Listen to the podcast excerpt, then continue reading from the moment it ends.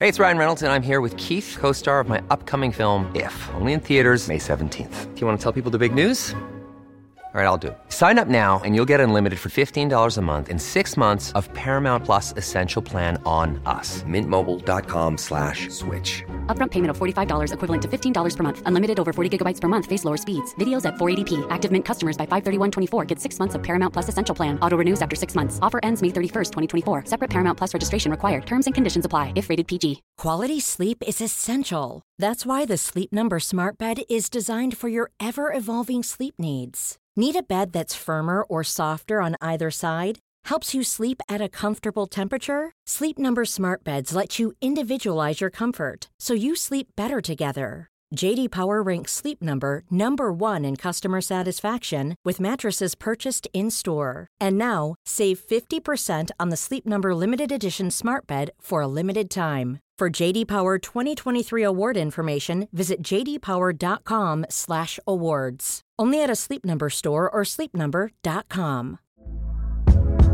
Hey there, it's Michelle Norris. I'm host of a podcast called Your Mama's Kitchen. When I travel, I'm usually looking for a way to find a taste of home when I'm not at home. And one of the things I love to do when I am at home is entertain. And Airbnb allows me to do that. When I was in California recently, I rented a house that had a great kitchen. And when we were sitting around the table, we're all thinking, we're in someone else's house. Someone could be in all of our homes as well.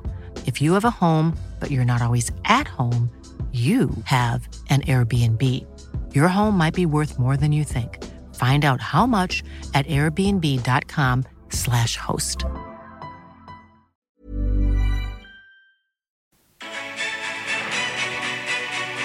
For dere som følger meg på Instagram, så blir ikke denne åpningen like spennende. Men for dere som ikke vet det ennå, så kommer du i denne episoden til å få vite om jeg sto på eksamen, er blitt lege, eller fortsatt er stud med Flatland Doblaug.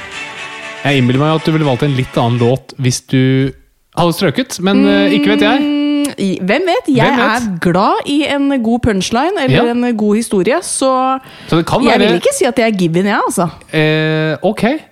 Da, da gleder jeg meg til å høre videre for å finne ut om du har slått eller ikke. Om jeg er lege eller ikke.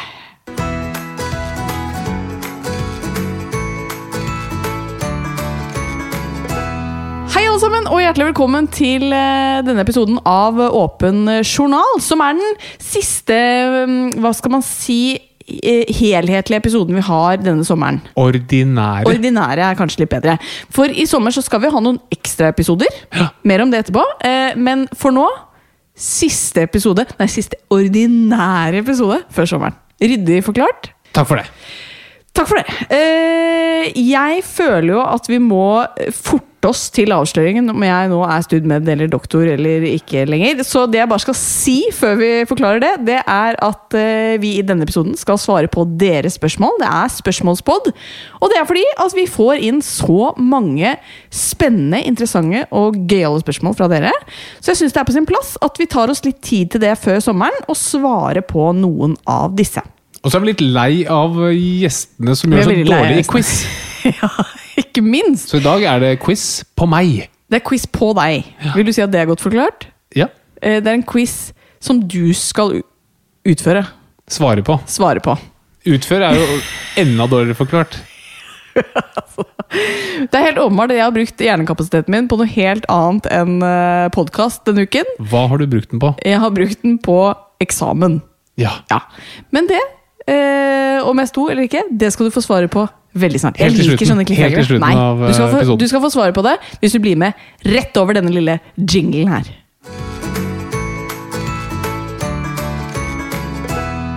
Syns du jeg skal ha musikk når vi nå skal avsløre om det har gått bra eller ikke? Eh, ja, det syns jeg. Det syns du? Ok. ehm, eh, er du klar? Nå bare finner jeg noe som heter eh, Vi- Victory. Best Nei, det avslører jo alt. Det vil jeg si. Og den er veldig lik den forrige. Ganske lik. Jeg tror jeg må finne en annen. Ehm, skal vi se her Eh, Ok, denne, da. Vil du si hva den heter, eller avslører det for mye? Nei, det avslører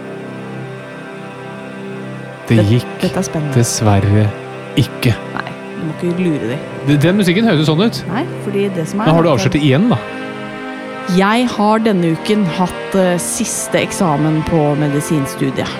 Tolv års arbeid har krevd mye mot, svette og tårer. Og nå får jeg frysninger av meg selv. Eh, men det er altså en glede å kunne dele med dere, kjære lyttere, at jeg har blitt doktor Flatland. Hurra! Det er jo fantastisk. Ja, det er faktisk helt rått. Fikk du litt frysninger nå? Nei, det gjorde jeg ikke. Jeg gjorde det. det. Men jeg begynner jo nesten å gråte av å si dette, fordi Du blir jeg veldig rørt av deg selv. blir både får frysninger og blir rørt av meg selv. Men eh, fra spøk til alvor, det har tatt eh, tolv år siden jeg begynte. Jeg har hatt mange permisjoner pga. jobb, én eh, permisjon pga. barn. Eh, mange pauser underveis, som gjør at det har jo vært vanskelig å på en måte ta opp tråden igjen noen ganger. Eh, og prøve å huske hvordan denne kroppen fungerer. Og derfor må jeg si at jeg er veldig stolt og glad for at jeg klarte å gjennomføre, og nå er ferdig lege. Gratulerer. Tusen hjertelig takk. Det er veldig imponerende, og jeg er veldig stolt av det. Å, det er veldig hyggelig at du sier. Jeg begynner å gråte nå også, men det er Gjør fordi det? jeg har grått veldig mye etter eksamen. det skjønner jeg. Ja. Men det er fordi at det, det har krevd så mye innsats. Og Av meg det, eller av deg?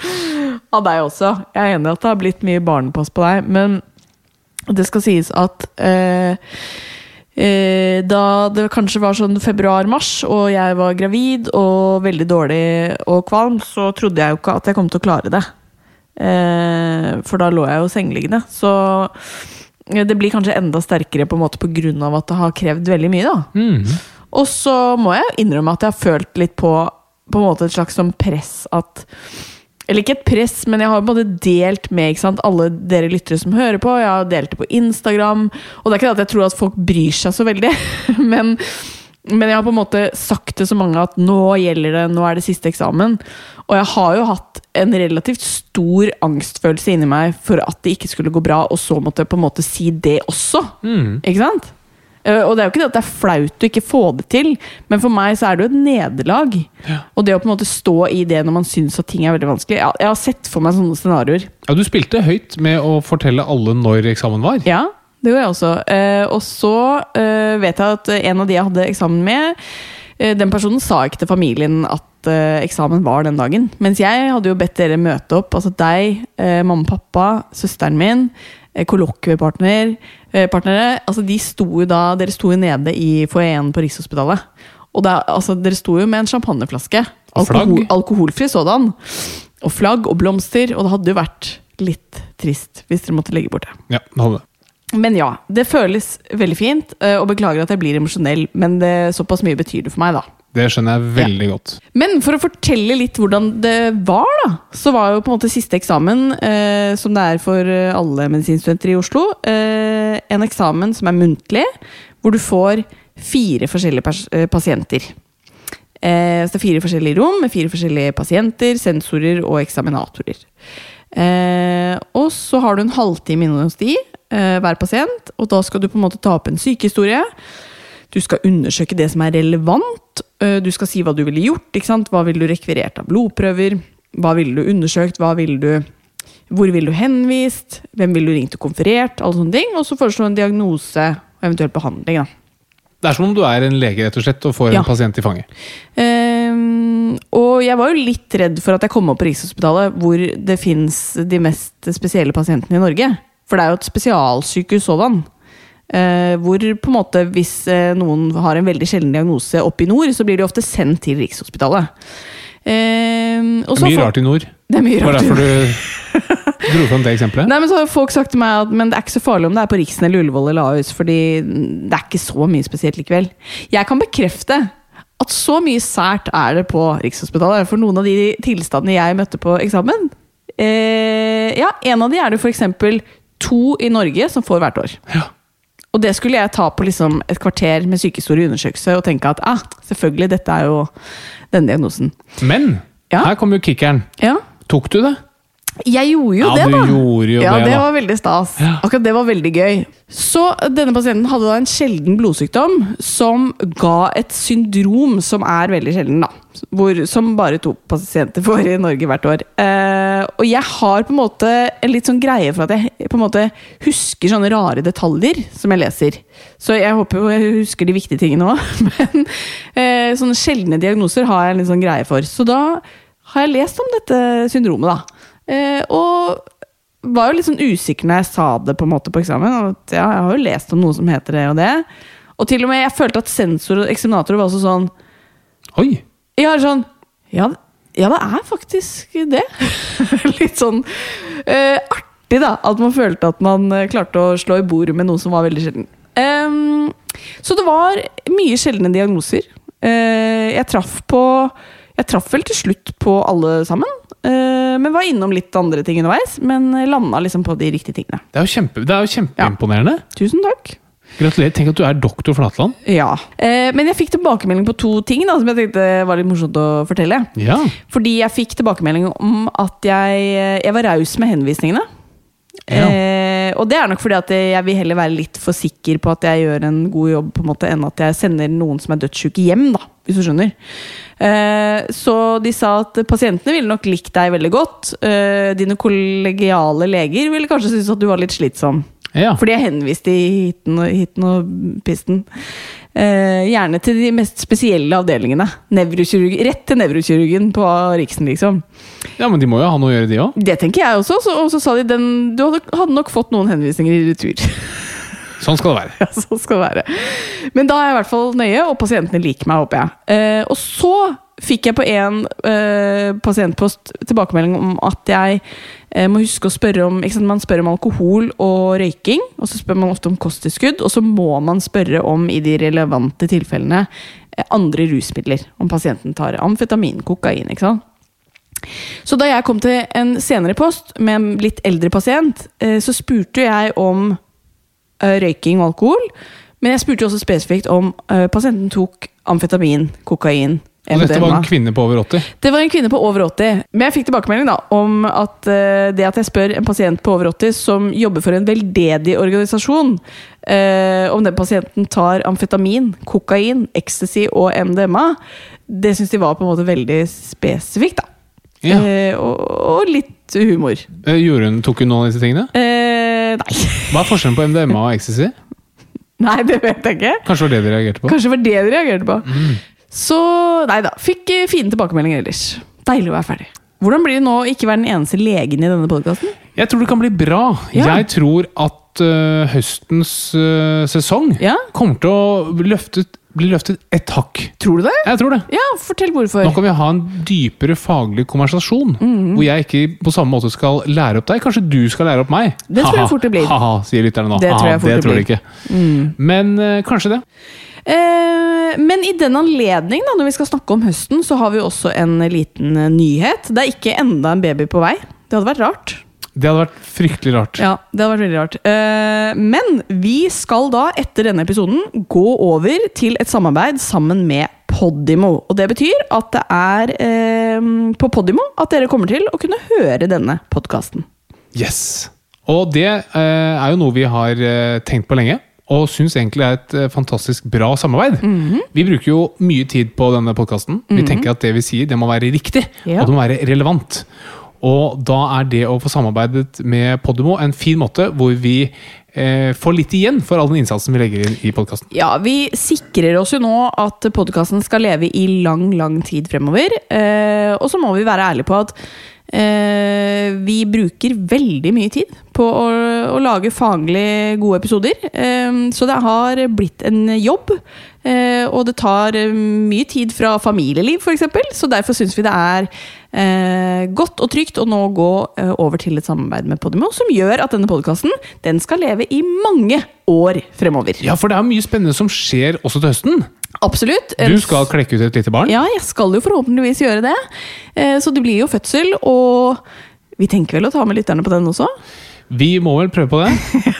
Og så skal vi i retten. Vi skal i retten, da. Jeg tenker Vi skal ikke bruke fryktelig mye tid på det her. For Nei, jeg det er synes litt sikkert folk er kjedelig. kjedelige. Ja. Men eh, det er mye spennende som skjer. Ja, og vi fortsetter med gode gjester, eh, gode temaer, spørsmålspodder, alt som eh, vi har fått tilbakemeldinger på at dere liker i denne podkasten. Eh, og så har vi veldig lyst til at dere lytterne blir med videre til Podimo. Og derfor så kommer vi til å legge ut eh, en link på Åpen journal sin Instagram-story, hvor dere da kan trykke på den linken og få et godt tilbud til Podimo. Eh, Den kommer jeg til å legge ut flere ganger, og i hvert fall fra i dag, når eh, denne episoden gis ut på onsdag. Men vi har også en liten bonus da i sommer på Podimo. Ja, det har vi. Fordi vi kommer til å lage fire korte episoder Ja. som handler litt om, som min kone fantastisk sa for et par år siden, sommerens farer. Var det ikke det det het? Jo, jo det var ak eh, no, noen, ga- eh, En episode var jo sommerens far... Nei, sommerens farlige dyr. Ja, det var det. Og så var det sommerens farer. Og det er fordi at når man drar på ferie, når man ferierer, eh, enten det er i Norge eller utlandet, så er det flere liksom helseting man bør tenke på. Og det skal vi lage noen episoder om. Det er helt riktig. Ja. Alt fra eh, reiseforsikring, Yes. kanskje til og med helseforsikring. Det er Ja. noe jeg har lurt på om jeg skal tegne. Jeg skal gjøre en liten eh, researchjobb der og dele det med de som hører på. Yes. Eh, Litt om eh, solkrem. Det vet folk at jeg er veldig, veldig opptatt av. Hva Mhm. burde man ha med seg når man reiser? Ja. Mye lurt i bagasjen. ja, der skal vi komme med gode tips. Så det blir også å finne på Podimo i sommer.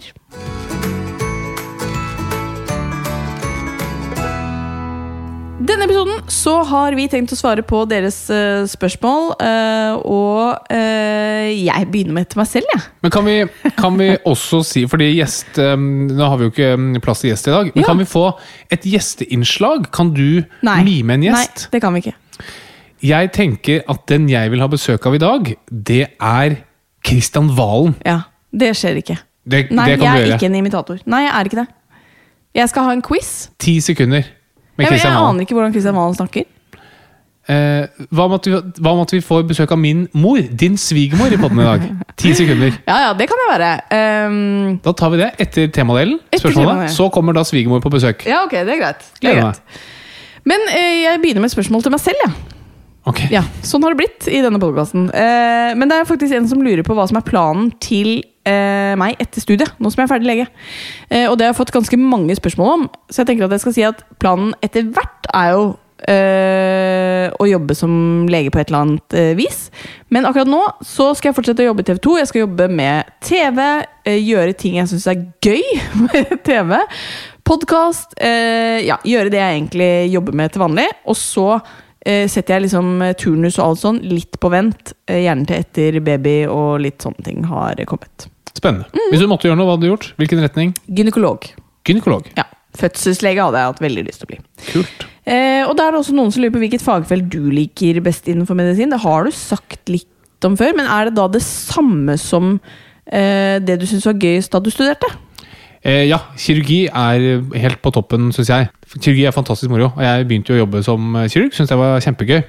Men eh, jeg tror at og Det var litt av grunnen til at jeg hoppet av. Det er veldig mye man kan gjøre med helse. og Mm. Det er derfor jeg driver nå med hva skal man si, innovasjon innenfor helse. Og så er nok sykehussystemene begynner å bli ganske seige. Litt sånn tungrodde.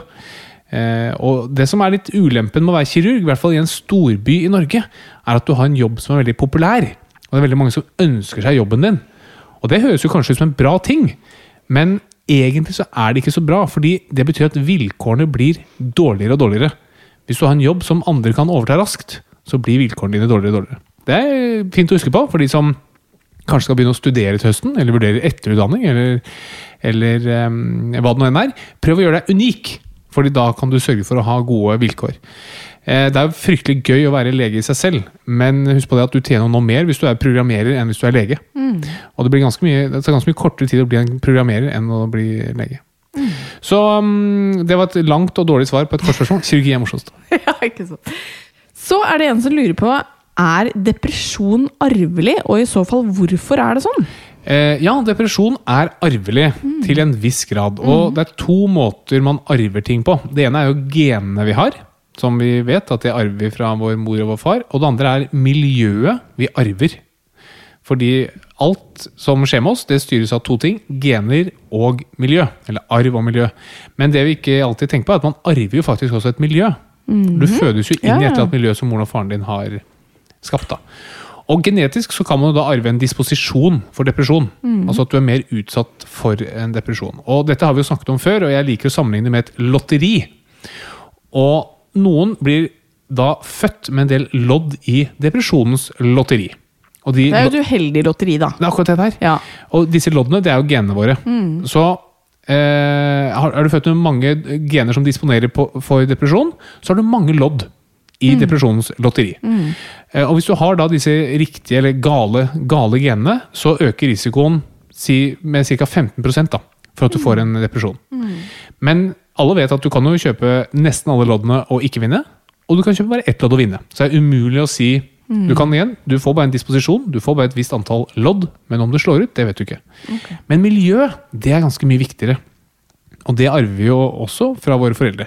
Ehm, så det er egentlig forklaringen. Men det som er viktig å huske, og kanskje litt frigjørende, er at genene våre har faktisk overraskende lite å si for om vi blir syke eller ikke. Ja. Eller altså, miljøet har mye å si. Det er veldig mye vi kan påvirke. Så selv om du er født med all verdens eh, dårlige gener, og kanskje til og med inn i et dårlig miljø, så trenger du ikke å bli deprimert, eller trenger ikke å mm, bli syk. Nei.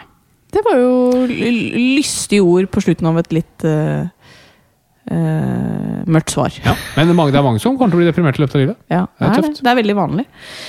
Men apropos eh, gener, så eh, er det også en som lurer på et litt sånn spennende spørsmål her. Fordi hvorfor bruker man radioaktive stoffer som kreftbehandling når du kan få kreft av radioaktive stoffer?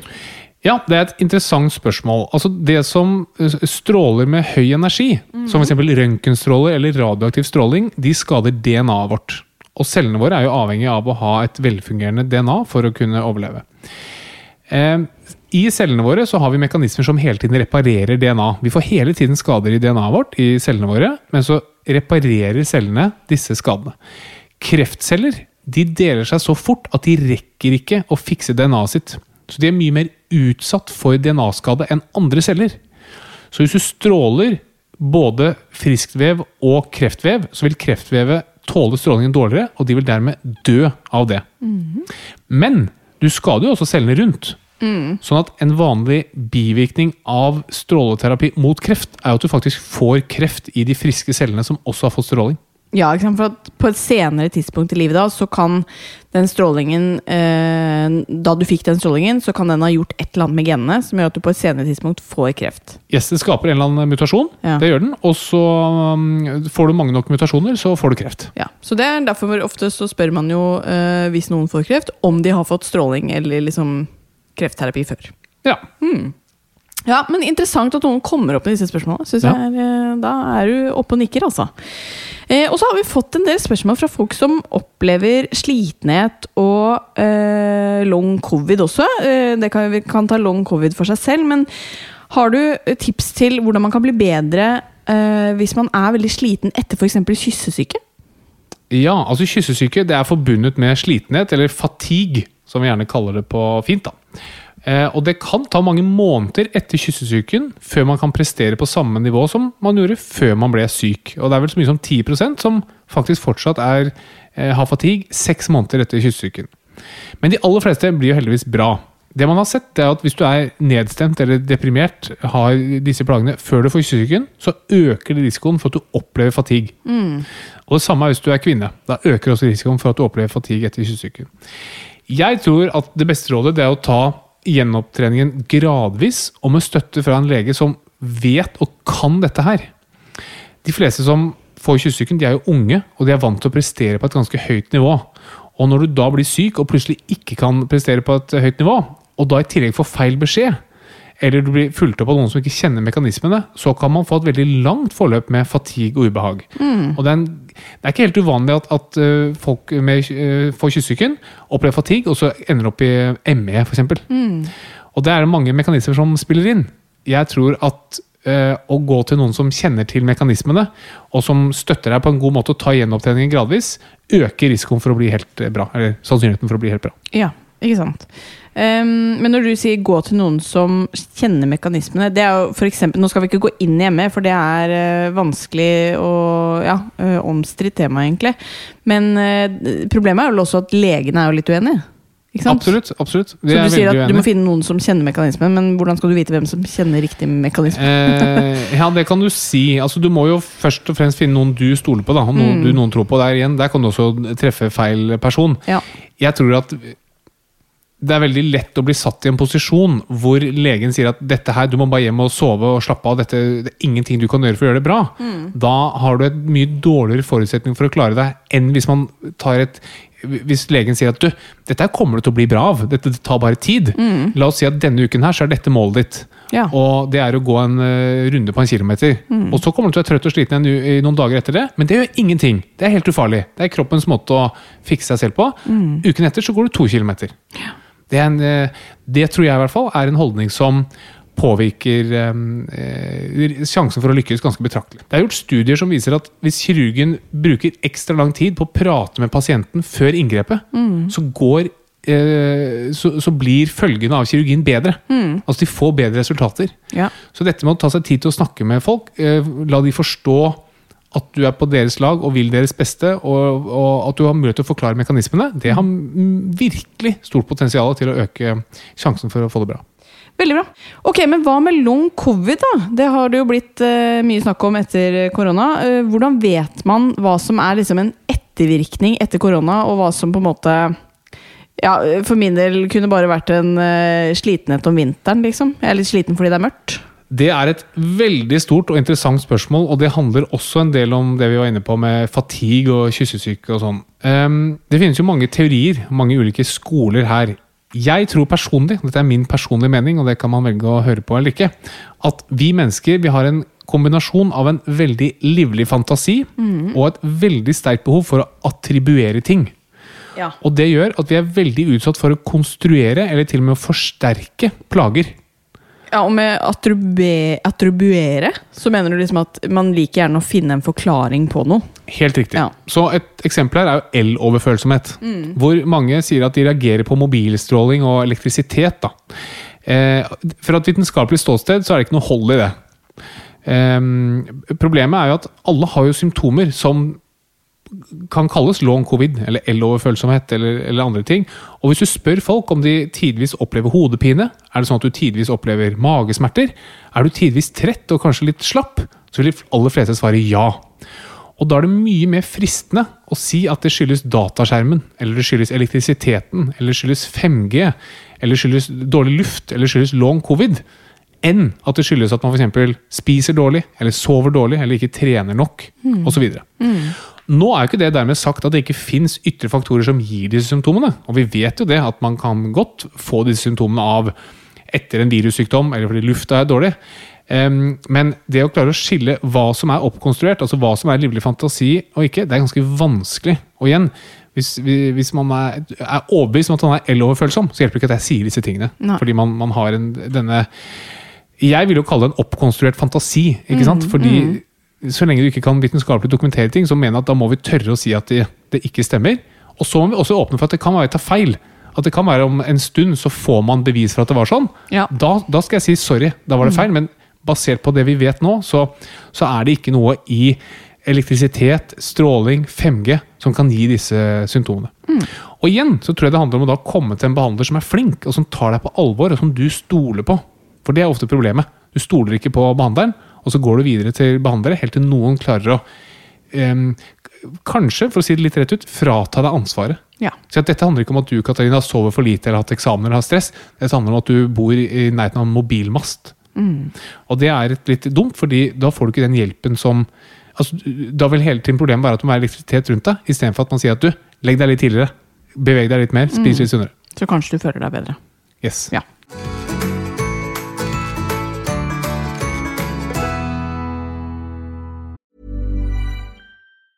Life is full of awesome what ifs, and some not so much, like unexpected medical costs. That's why United Healthcare provides Health Protector Guard fixed indemnity insurance plans to supplement your primary plan and help manage out of pocket costs. Learn more at uh1.com. Hey, it's Ryan Reynolds, and I'm here with Keith, co star of my upcoming film, If, only in theaters, May 17th. Do you want to tell people the big news? All right, I'll do. it. Sign up now and you'll get unlimited for $15 a month in six months of Paramount Plus Essential Plan on us. Mintmobile.com slash switch. Upfront payment of $45 equivalent to $15 per month. Unlimited over 40 gigabytes per month. Face lower speeds. Videos at 480p. Active Mint customers by 531.24 get six months of Paramount Plus Essential Plan. Auto renews after six months. Offer ends May 31st, 2024. Separate Paramount Plus registration required. Terms and conditions apply if rated PG. Quality sleep is essential. That's why the Sleep Number Smart Bed is designed for your ever evolving sleep needs. Need a bed that's firmer or softer on either side? Helps you sleep at a comfortable temperature? Sleep Number Smart Beds let you individualize your comfort so you sleep better together. JD Power ranks Sleep Number number 1 in customer satisfaction with mattresses purchased in-store. And now, save 50% on the Sleep Number limited edition Smart Bed for a limited time. For JD Power 2023 award information, visit jdpower.com/awards. Only at a Sleep Number store or sleepnumber.com.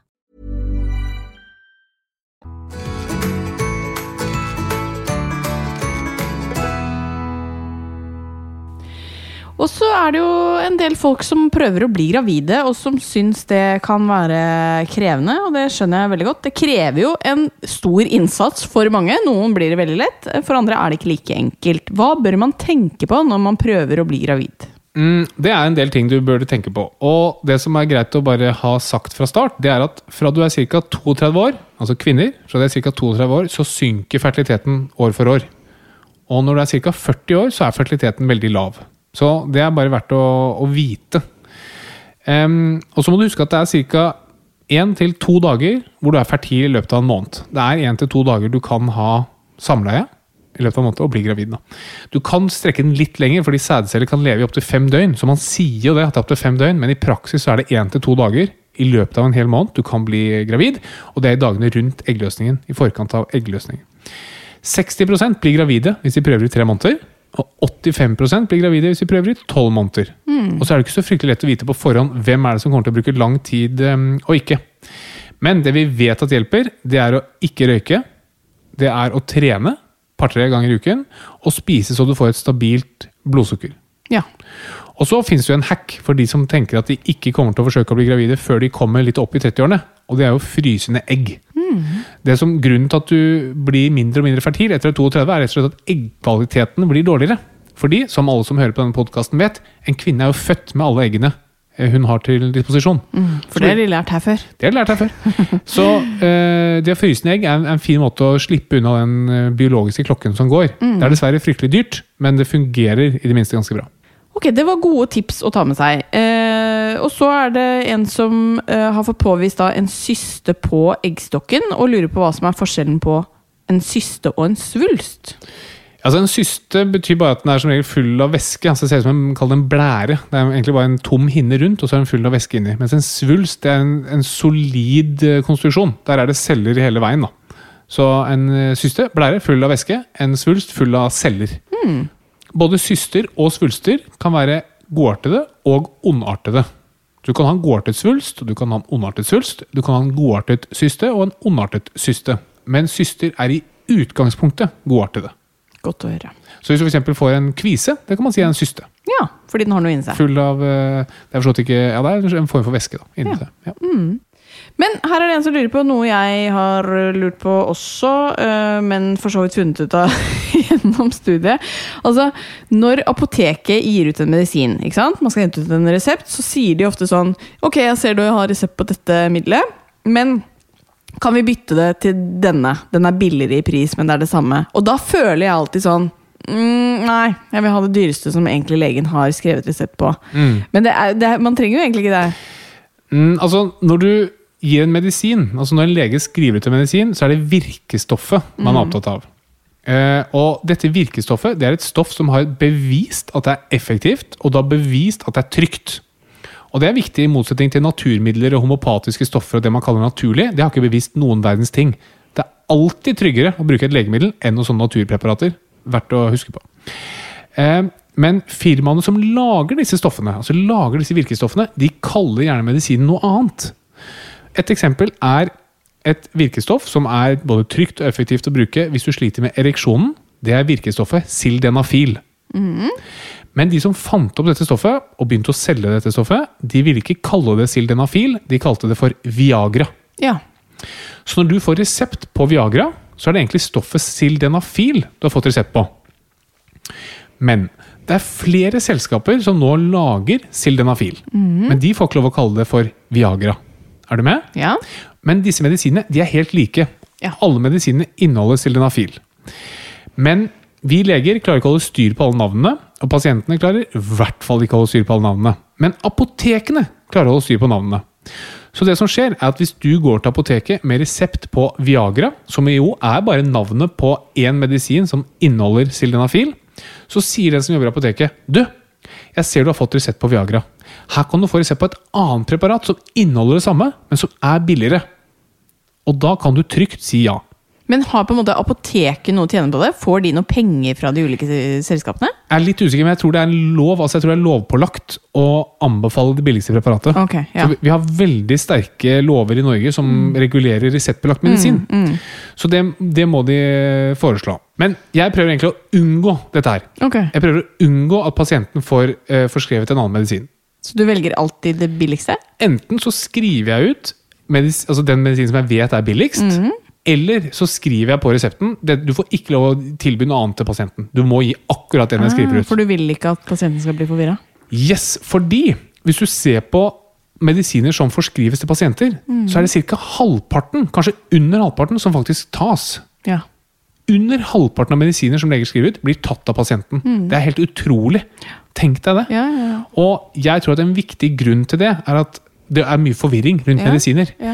Og jeg tror at Hvis du går til legen og så sier legen hei, jeg skriver ut en resept på Viagra, og så går du til apoteket og så får du noe, noe annet Altså Mm.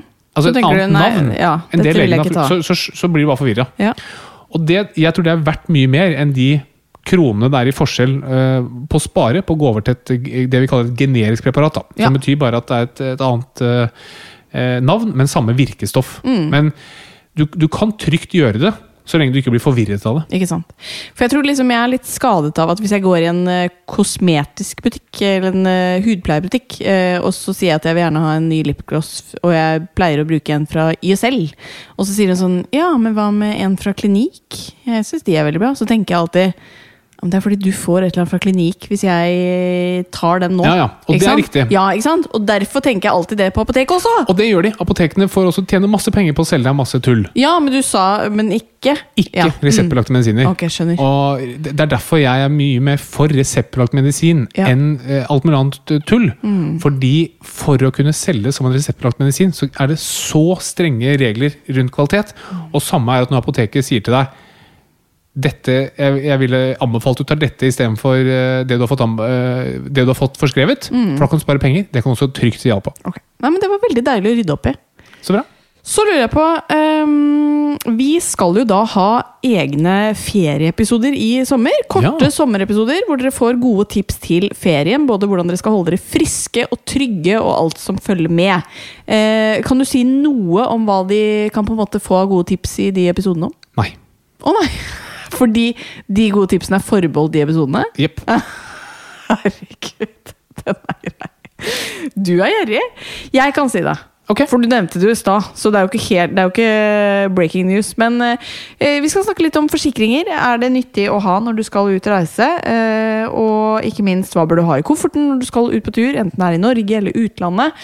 Eh, og hva du bør gjøre hvis du havner i ulike situasjoner som typisk kan oppstå på ferie. F.eks. feriemage. Det er så innmari kjipt hvis hele ferien ryker pga. noe dårlig mat. Ja. Vi kan jo også lage et, eh, et, eh, en liten anbefaling rundt hvilke medisiner man burde ha med seg. For det tror jeg kan være lurt å ha. I hvert fall hvis du skal eh, langt å reise. Kanskje bli stukket av en eh, brennmanet. Eller brent, heter det. Kanskje bli solbrent. Ikke bli solbrent. Nei. Kanskje du eh, får deg et kutt. Kanskje du blir bitt av en flått. Flått også. Burde du ha en egen episode om. Ja. Borreliose. Sannsynligvis underdiagnostisert. Ja, underdiagnostisert, Ja. ja. ja. ikke sant? Det er også, dette er også en sånn eh, bo- sånn langvarig borreliose. Også en, mye slapphet Mm. og Mm. diffuse symptomer. Jeg tror veldig mange tror de har det uten å ha det, men også andre vei.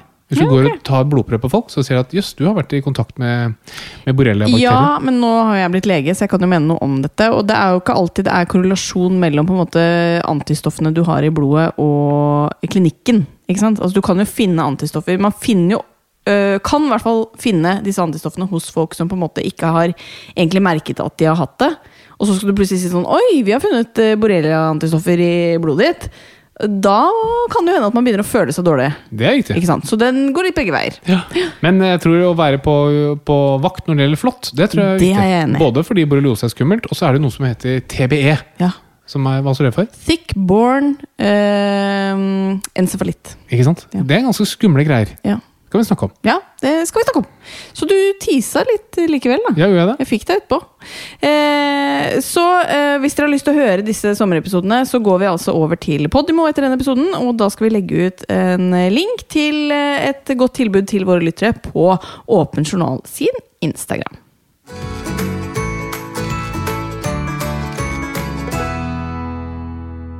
Men nå er det jo da klart for quiz! Nå er jeg så spent! Ja, og til alle dere som nå tenker Ok, kommer det nå til å bli annenhver uke eh, At eh, dere holder quiz? Det har vi ikke snakket om egentlig Nå som jeg har blitt lege Men eh, kanskje folk blir veldig lei seg Hvis jeg sier at jeg skal begynne å holde quiz For du er jo veldig god på å lage quiz Jeg håper i hvert fall du har skjønt hvor vanskelig det er å Ja, lage en det er dritvanskelig middels god quiz. Ja, så jeg har ikke veldig lyst til å fortsette med dette egentlig Så enn så lenge så tror jeg vi lar deg fortsette som quizmaster Men Ok. i dag så er det altså ikke studmed Anymore, men Dr. Flatland Som skal quizze Dr. Doble Spennende. Ja. Og så lurer du sikkert på hva som er tema, i og med at tema for episoden har vært spørsmålspodkast. Ja, jeg lurer veldig på hva temaet er. Kan du gjette? Eh, underliv. Mm, Nei, fordi forrige handlet jo mye om penis. Ja, Husker din ikke. quiz, ja. Ja, Det Stemmer det. Eh, så det er ikke, ikke noe underliv. Er det en aktivitet du kommer til å ta opp nå som du er ferdigstudert? Det kan godt hende. Oi! Absolutt. Eh, både det og quiz. Kan det kombineres? Eh, det kan det, helt sikkert. Eh, men har du ikke noen formening om temaet? Ehm, Det er noe som er nært er det forestående. sommerens farlige Nei, dyr? det er noe som er nært forestående for deg og meg. Ehm, sommerferie? Nei? Ja, hva er det vi skal nå først i sommerferien? Ha samkvem? Det er lov å drømme. Vi skal til New York. We're going to New York. Eh, og noen vil kanskje tenke jøss, det var et veldig rart tema, men det er tema for dagens eh, Ja, quiz. for jeg tenker at jøss, det var et veldig rart tema. Det skjønner jeg veldig godt. Fordi dette er først og fremst en medisinsk podkast. Men det kan hende at det er medisinske ting det handler om. Å ja. Men i New York. Ok. Første spørsmål lyder som følger. Hvor mange sykehus finnes det i New York State? I New York State oh, det- I New York State så skal jeg tippe hvor mange mennesker det er. Altså 300 millioner, det er 50 stater ish. Det er 6 millioner i hver stat. Tror New York er en stor stat. Si at det er 10 millioner mennesker. Et, syke, et amerikansk sykehus har et nedslagsfelt på 300 000 pasienter. Så 3, 10, 30, og så er det litt mer 40. 40 sykehus. Ja. Hvor mange var det du trodde hadde bodde i New York State? 10 millioner. Jeg tror det er 19 millioner når jeg googla den nå. Shit. Ok. Da går, kan jeg øke Eh, ja, til 80. 80 sykehus? Ja. Og det er fortsatt ikke riktig. Nei. Det er faktisk 277 sykehus. 277 sykehus. Ja, Ja, men da er det, hva, hva er kravet til å være sykehus da? Det må du spørre Google om. Ehm, ja, men da må vi sjekke definisjonen på det. det vil jeg, jeg, vil, jeg vil klage på dette her. Men det betyr at de har liksom rundt 70 000 pasienter per sykehus. Det er veldig lite. Det er ikke mange Mm. Ok, sykehus. Googlet du, da? Dette kan vi jo klippe Nei, altså, bort. jeg, denne jeg er ventingen. ikke, jeg er ikke ja, men, se, jeg prøvde å finne det. eh, how many Dette har jeg googla, ikke sant? How many hospitals in New York? Neida, men eh, In New York State total 277. Jep, men men tar det som er det. forvirrende, så står det Out of these, 64 are government hospitals and 4 are private. Det blir jo ikke 277 til sammen. Er du inne på Donald Duck? Eh, Jeg er inne på en Web? nettside som heter officialusa.com. Den høres jo veldig offisiell ut. ja, men ikke sant? Ikke sant? Fordi 68, da er jeg ganske nærme 80. Da er du ganske nærme, men det er jo feil. For du ser jo hva som står. Nei, jeg, 277. jeg legger inn en klage. Ja, men jeg har vært litt usikker på dette spørsmålet, fordi jeg syns at kilden min er tvilsom. eh, officialusa.com. Eh, så vi sier at du får et halvt poeng. Ok, Ja. takk. Kommer du til å kverulere på alle spørsmålene? Det kommer helt an på spørsmålet. For det neste, det neste kommer du også til å kverulere på. Ok. Eh, hvor mye koster i gjennomsnitt et døgnopphold på et sykehus i USA? I gjennomsnitt. Ja, ikke sant? det er nettopp det. Jeg er jo så lite grundig når jeg lager disse quizene. Problemet er at Du vet det som er ganske interessant, er at over 50 av absolutt alle helsekostnader blir brukt i de siste seks månedene av noens liv. Hæ, hva sa du nå? Nå falt jeg ut. Syns det var så Ja, kjedelig å høre jeg skjønner, ok. Nei, på. men um, Hva sa du? nei, Man bruker ekstremt mye penger på de sykeste pasientene. da. Ja, så, ja, men det er sant, Fordi det, det, det kan jeg komme tilbake til. Mm. Men altså i gjennomsnitt, i gjennomsnitt Jeg tipper gjennomsnittlig 6500 dollar. mm, nei, det er faktisk så mye som mellom 11 og eh, 12 000 dollar. I Gjennomsnitt på et sykehus. Ja. Ja. Det er Men- mye. Ja da, det høres veldig, veldig mye ut, men Men det um, står også hvis man har forsikring, og da lurer jeg på, skiller de på det på sykehuset, og så gjør de det dyrere hvis du har forsikring? på en måte? Mm, ja, du er alltid insentivert til å s- øke regninga hvis det er noen andre som betaler. Ja. Men igjen, en- et døgnopphold på sykehus det er veldig annerledes hvis du er på en observasjonspost på en legevakt. Mm. Ja. Eller hvis du ligger på intensiven. Jo da, men nå var vi på gjennomsnitt, ikke sant? Og Ja, ja. du klarte ikke å svare Eh, Jeg riktig. klarte å svare, men jeg klarte ikke å svare riktig. Klarte ikke å svare riktig. Men da ble vi enige om at riktig svar her var eh, ca. 111 000-112 000 norske kroner. Hva koster det da eh, gjennomsnittlig per døgn eh, for en pasient i Norge? Em, det, det er mye billigere. Der Mm. tipper jeg vi er på 30 000-35 000. Det er faktisk 18 000. Å ja, enda billigere. Men det er fordi at sånn som du sa, så varierer jo li- prisen per liggedøgn veldig ut fra hva du ligger innenfor. Ja. Så hva kan du tenke deg at liksom er ned mot det laveste? Eh, Det laveste er jo hvis du bare ligger på Det er mange som ligger et døgn i et akuttmottak på en seng i gangen, og de Ja. gjør ikke mye ut av seg. Det Nei. koster en tusenlapp. Ja, det kan godt hende, men sånn et par tusen kroner, da. Ja.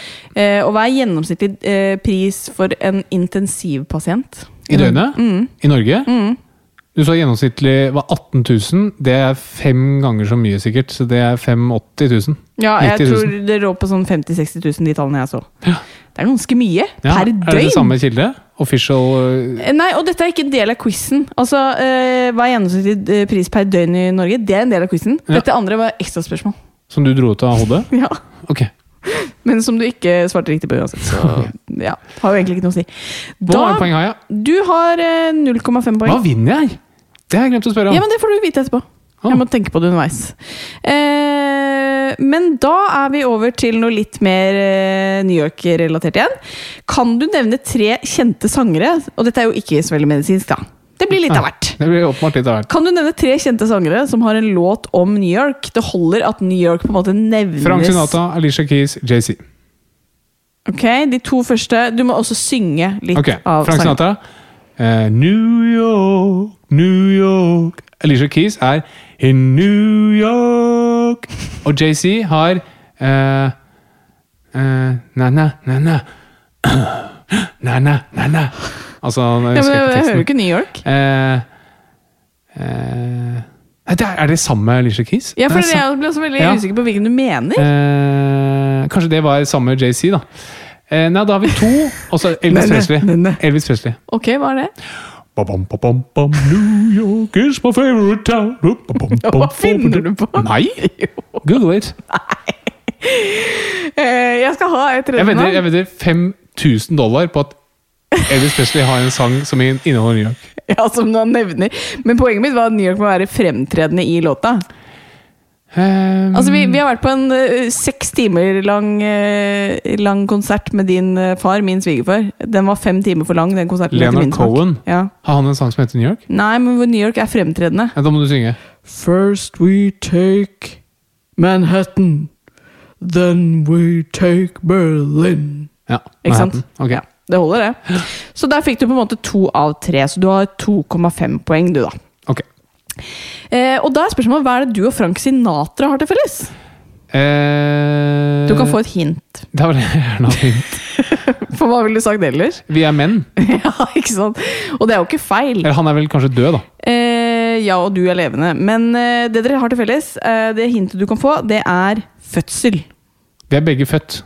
Ja, det er for smalt. Det, Vi er- Eh, eller for bredt, eller hva man skal kalle det. Vi er eh, levert vaginalt. Det er dere, og hva skjedde? Vi er Tatt med tang. Tatt med tang, ja!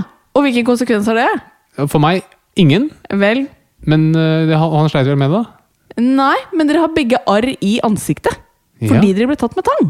Det er jo morsomt. Det er morsomt.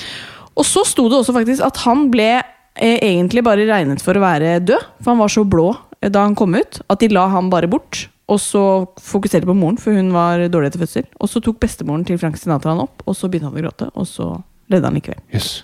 Fantastisk. Ja, flott. Det er vi mange som er glad for. Eh, men en av eh, Frank Sinatras mest kjente låter er jo My Way. Eh, hva er det som har gjort at flere karaokebarer har forbud mot å synge denne låta? Sikkert fordi folk blir pærings, og det, det er samme gjeng, mann 60 pluss, som skal synge den. Nei, det er faktisk Det er eh, et eh, sosialt fenomen som heter sånn My Way Killings. Og det er fordi at det er overveiende mange som blir drept mens de synger My Way på karaoke. Dette er ikke sant. jo, det er Jo, det er det! Det er det! At folk, fordi de synger den, så blir de drept? Ja, men det er jo av ulike årsaker, årsaker da. Men det er sånn det er skrevet om i New York Times, liksom. At det er et fenomen. Ny, eh, My Way Killings. Det er til og med en egen eh, Egen Wikipedia-side. Eh, og det er særlig Filippinene dette fenomenet er, da. Og så står det liksom mange sånn ikke sant? Noen eh, blir drept fordi de synger veldig falskt, og noen klikker for det. Og så er det noen som blir drept fordi de er med i gjenger og allerede har et eh, troubled problem. Med Altså, My Way-sangen? nei! Men poenget er jo sikkert Jeg tror ikke det har noe med sangen å gjøre. Nei, mest sannsynlig ikke. Og så har man Så du bare mener hvis jeg drar ned på trompeten her nede, eller syng, Ja. så finner jeg ikke den i repertoaret for jeg er redd for at jeg skal bli skutt? Det kan godt hende. Jeg vet ikke om Syng har eh, tatt den av repertoaret ennå, men det er en greie. Nå får du ikke lov å krangle på det mer. Dette Jeg er en spør, greie. jeg spør av nysgjerrighet. Ja, men det ble ikke noen poeng. Ehm, ok, og så hopper vi på en måte fra Frank Sinatra Vi er tilbake til litt mer sånn New York, Mm. og litt mer sånn medisinsk igjen. Ja. Eh, eller ikke så veldig medisinsk når jeg leser spørsmålet i hodet mitt, men ok. Det er estimert at det i Amerika er over én million sexarbeidere. I hvilken, del, Wow. I hvilken del av New York holder de til? De holder til i eh, Pussy Street. Tror du det er noe som heter det? Eh, ja. Nei. Men de holder til i Soho. ja, den skal du få for. Ok, tusen Den takk. skal du få for. Og da lurer jeg veldig på neste.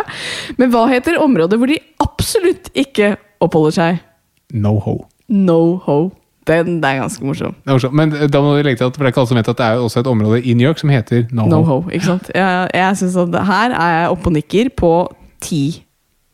Ja, nei, det, du er din egen skala. dommer, og det er jo det beste.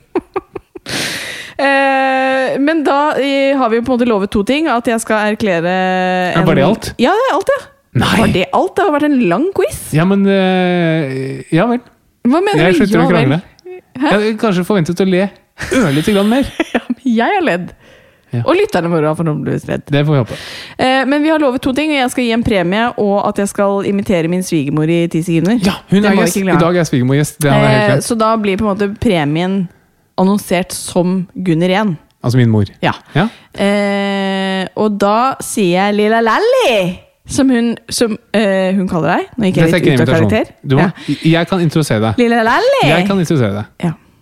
I dag er vi så heldige at vi har fått med en gjest, og det er min egen mamma, Mhm. Gunnirén.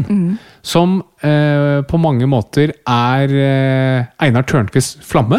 Ja. For hun har jo mer eller mindre fingret han. Ja, det, altså, eh, dette er det jo Einar Tørnquist som har snakket om i sin egen podkast, at han har gått til eh, urolog Gunnar 1. Det er riktig. Ja, bare sånn at vi setter konteksten der. Yes, Fått en finger i baken. Ja. Men eh, da sier eh, Og det er jeg veldig stolt og glad over at, eh, at mamma har blitt med i podkasten. Ja. Hei! Hei, la, eh, Lilla Lally! Hei, hei! Jeg har snakka med tantene dine i Stavanger i dag. Ja, så hyggelig. Ja, jeg skulle hilse Lilla Lally. Så hyggelig. Ja, lille kosegutten. Ja, det er meg. Ja, hvordan går det med Det deg? går ganske bra. Skal du få noen premie for b- b- quizen? Ja, det er det jeg håper. Ja. Premien det er at du skal flytte inn hos meg. Fantastisk. Permanent. Oi! Du skal bo hos mamma. Det er jo fantastisk. Ja. Og det er din kone veldig glad for. Det er jeg også. Dette gleder jeg meg masse til. Gratulerer. Kommer også Einar. Eh, ja, det blir oss tre. Oi. Gratulerer. Ja, men det, dette, dette har jeg stor tro på, mamma. Så får vi jo høre om Einar Tørnquist er interessert i å bli med på den trekanten. Hei! Ja, nå men er du, langt- inviterer til det. Du inviterer til langt det. utenfor. Det er ikke mitt problem at du inviterer til det. Hør nå, nå som du er lege, Mm. så kan du ikke tulle med sånn lege-pasient-ting. Nei, det gjør jeg. Så mye jeg vil. Men med det, kjære lyttere, så sier vi takk for at dere har eh, hørt på. Og så eh, håper jeg at vi høres både i sommerepisodene våre på Podimo og på Podimo til høsten. Vi er jo veldig glad for at dere hører på oss, eh, og skal fortsette å lage gode podkaster til dere. Ja! God sommer! Har du tips til Bernhard? Jeg har et tips til Bernhard, men vet du hva? Det sparer jeg til over sommeren. Oi, jeg er en cliff? Jeg er cliffhanger. Ok, ok, Tror du ok. folk blir med over av den grunn? mm, Vet ikke. Kanskje én, i hvert fall. Én holder. Én holder. Og til deg som da blir med, gleder meg til vi høres. God sommer God så lenge! sommer! Ha det! Plan B. Hey, it's Paige DeSorbo from Giggly Squad. High quality fashion without the price tag. Say hello to Quince. I'm snagging high-end essentials like cozy cashmere sweaters, sleek leather jackets, fine jewelry, and so much more. With Quince being 50 to 80% less than similar brands. And they partner with factories that prioritize safe, ethical, and responsible manufacturing. I love that. Luxury quality within reach. Go to quince.com slash style to get free shipping and 365 day returns on your next order. Quince.com slash style. Imagine the softest sheets you've ever felt. Now imagine them getting even softer over time. That's what you'll feel with Bowl and Branch's organic cotton sheets. In a recent customer survey, 96% replied that Bowl and Branch sheets get softer with every wash. Start getting your best night's sleep in these sheets that get softer and softer for years to come. Try their sheets with a 30-night guarantee. Plus, get 15% off your first order at bowlandbranch.com. Code BUTTERY. Exclusions apply. See site for details.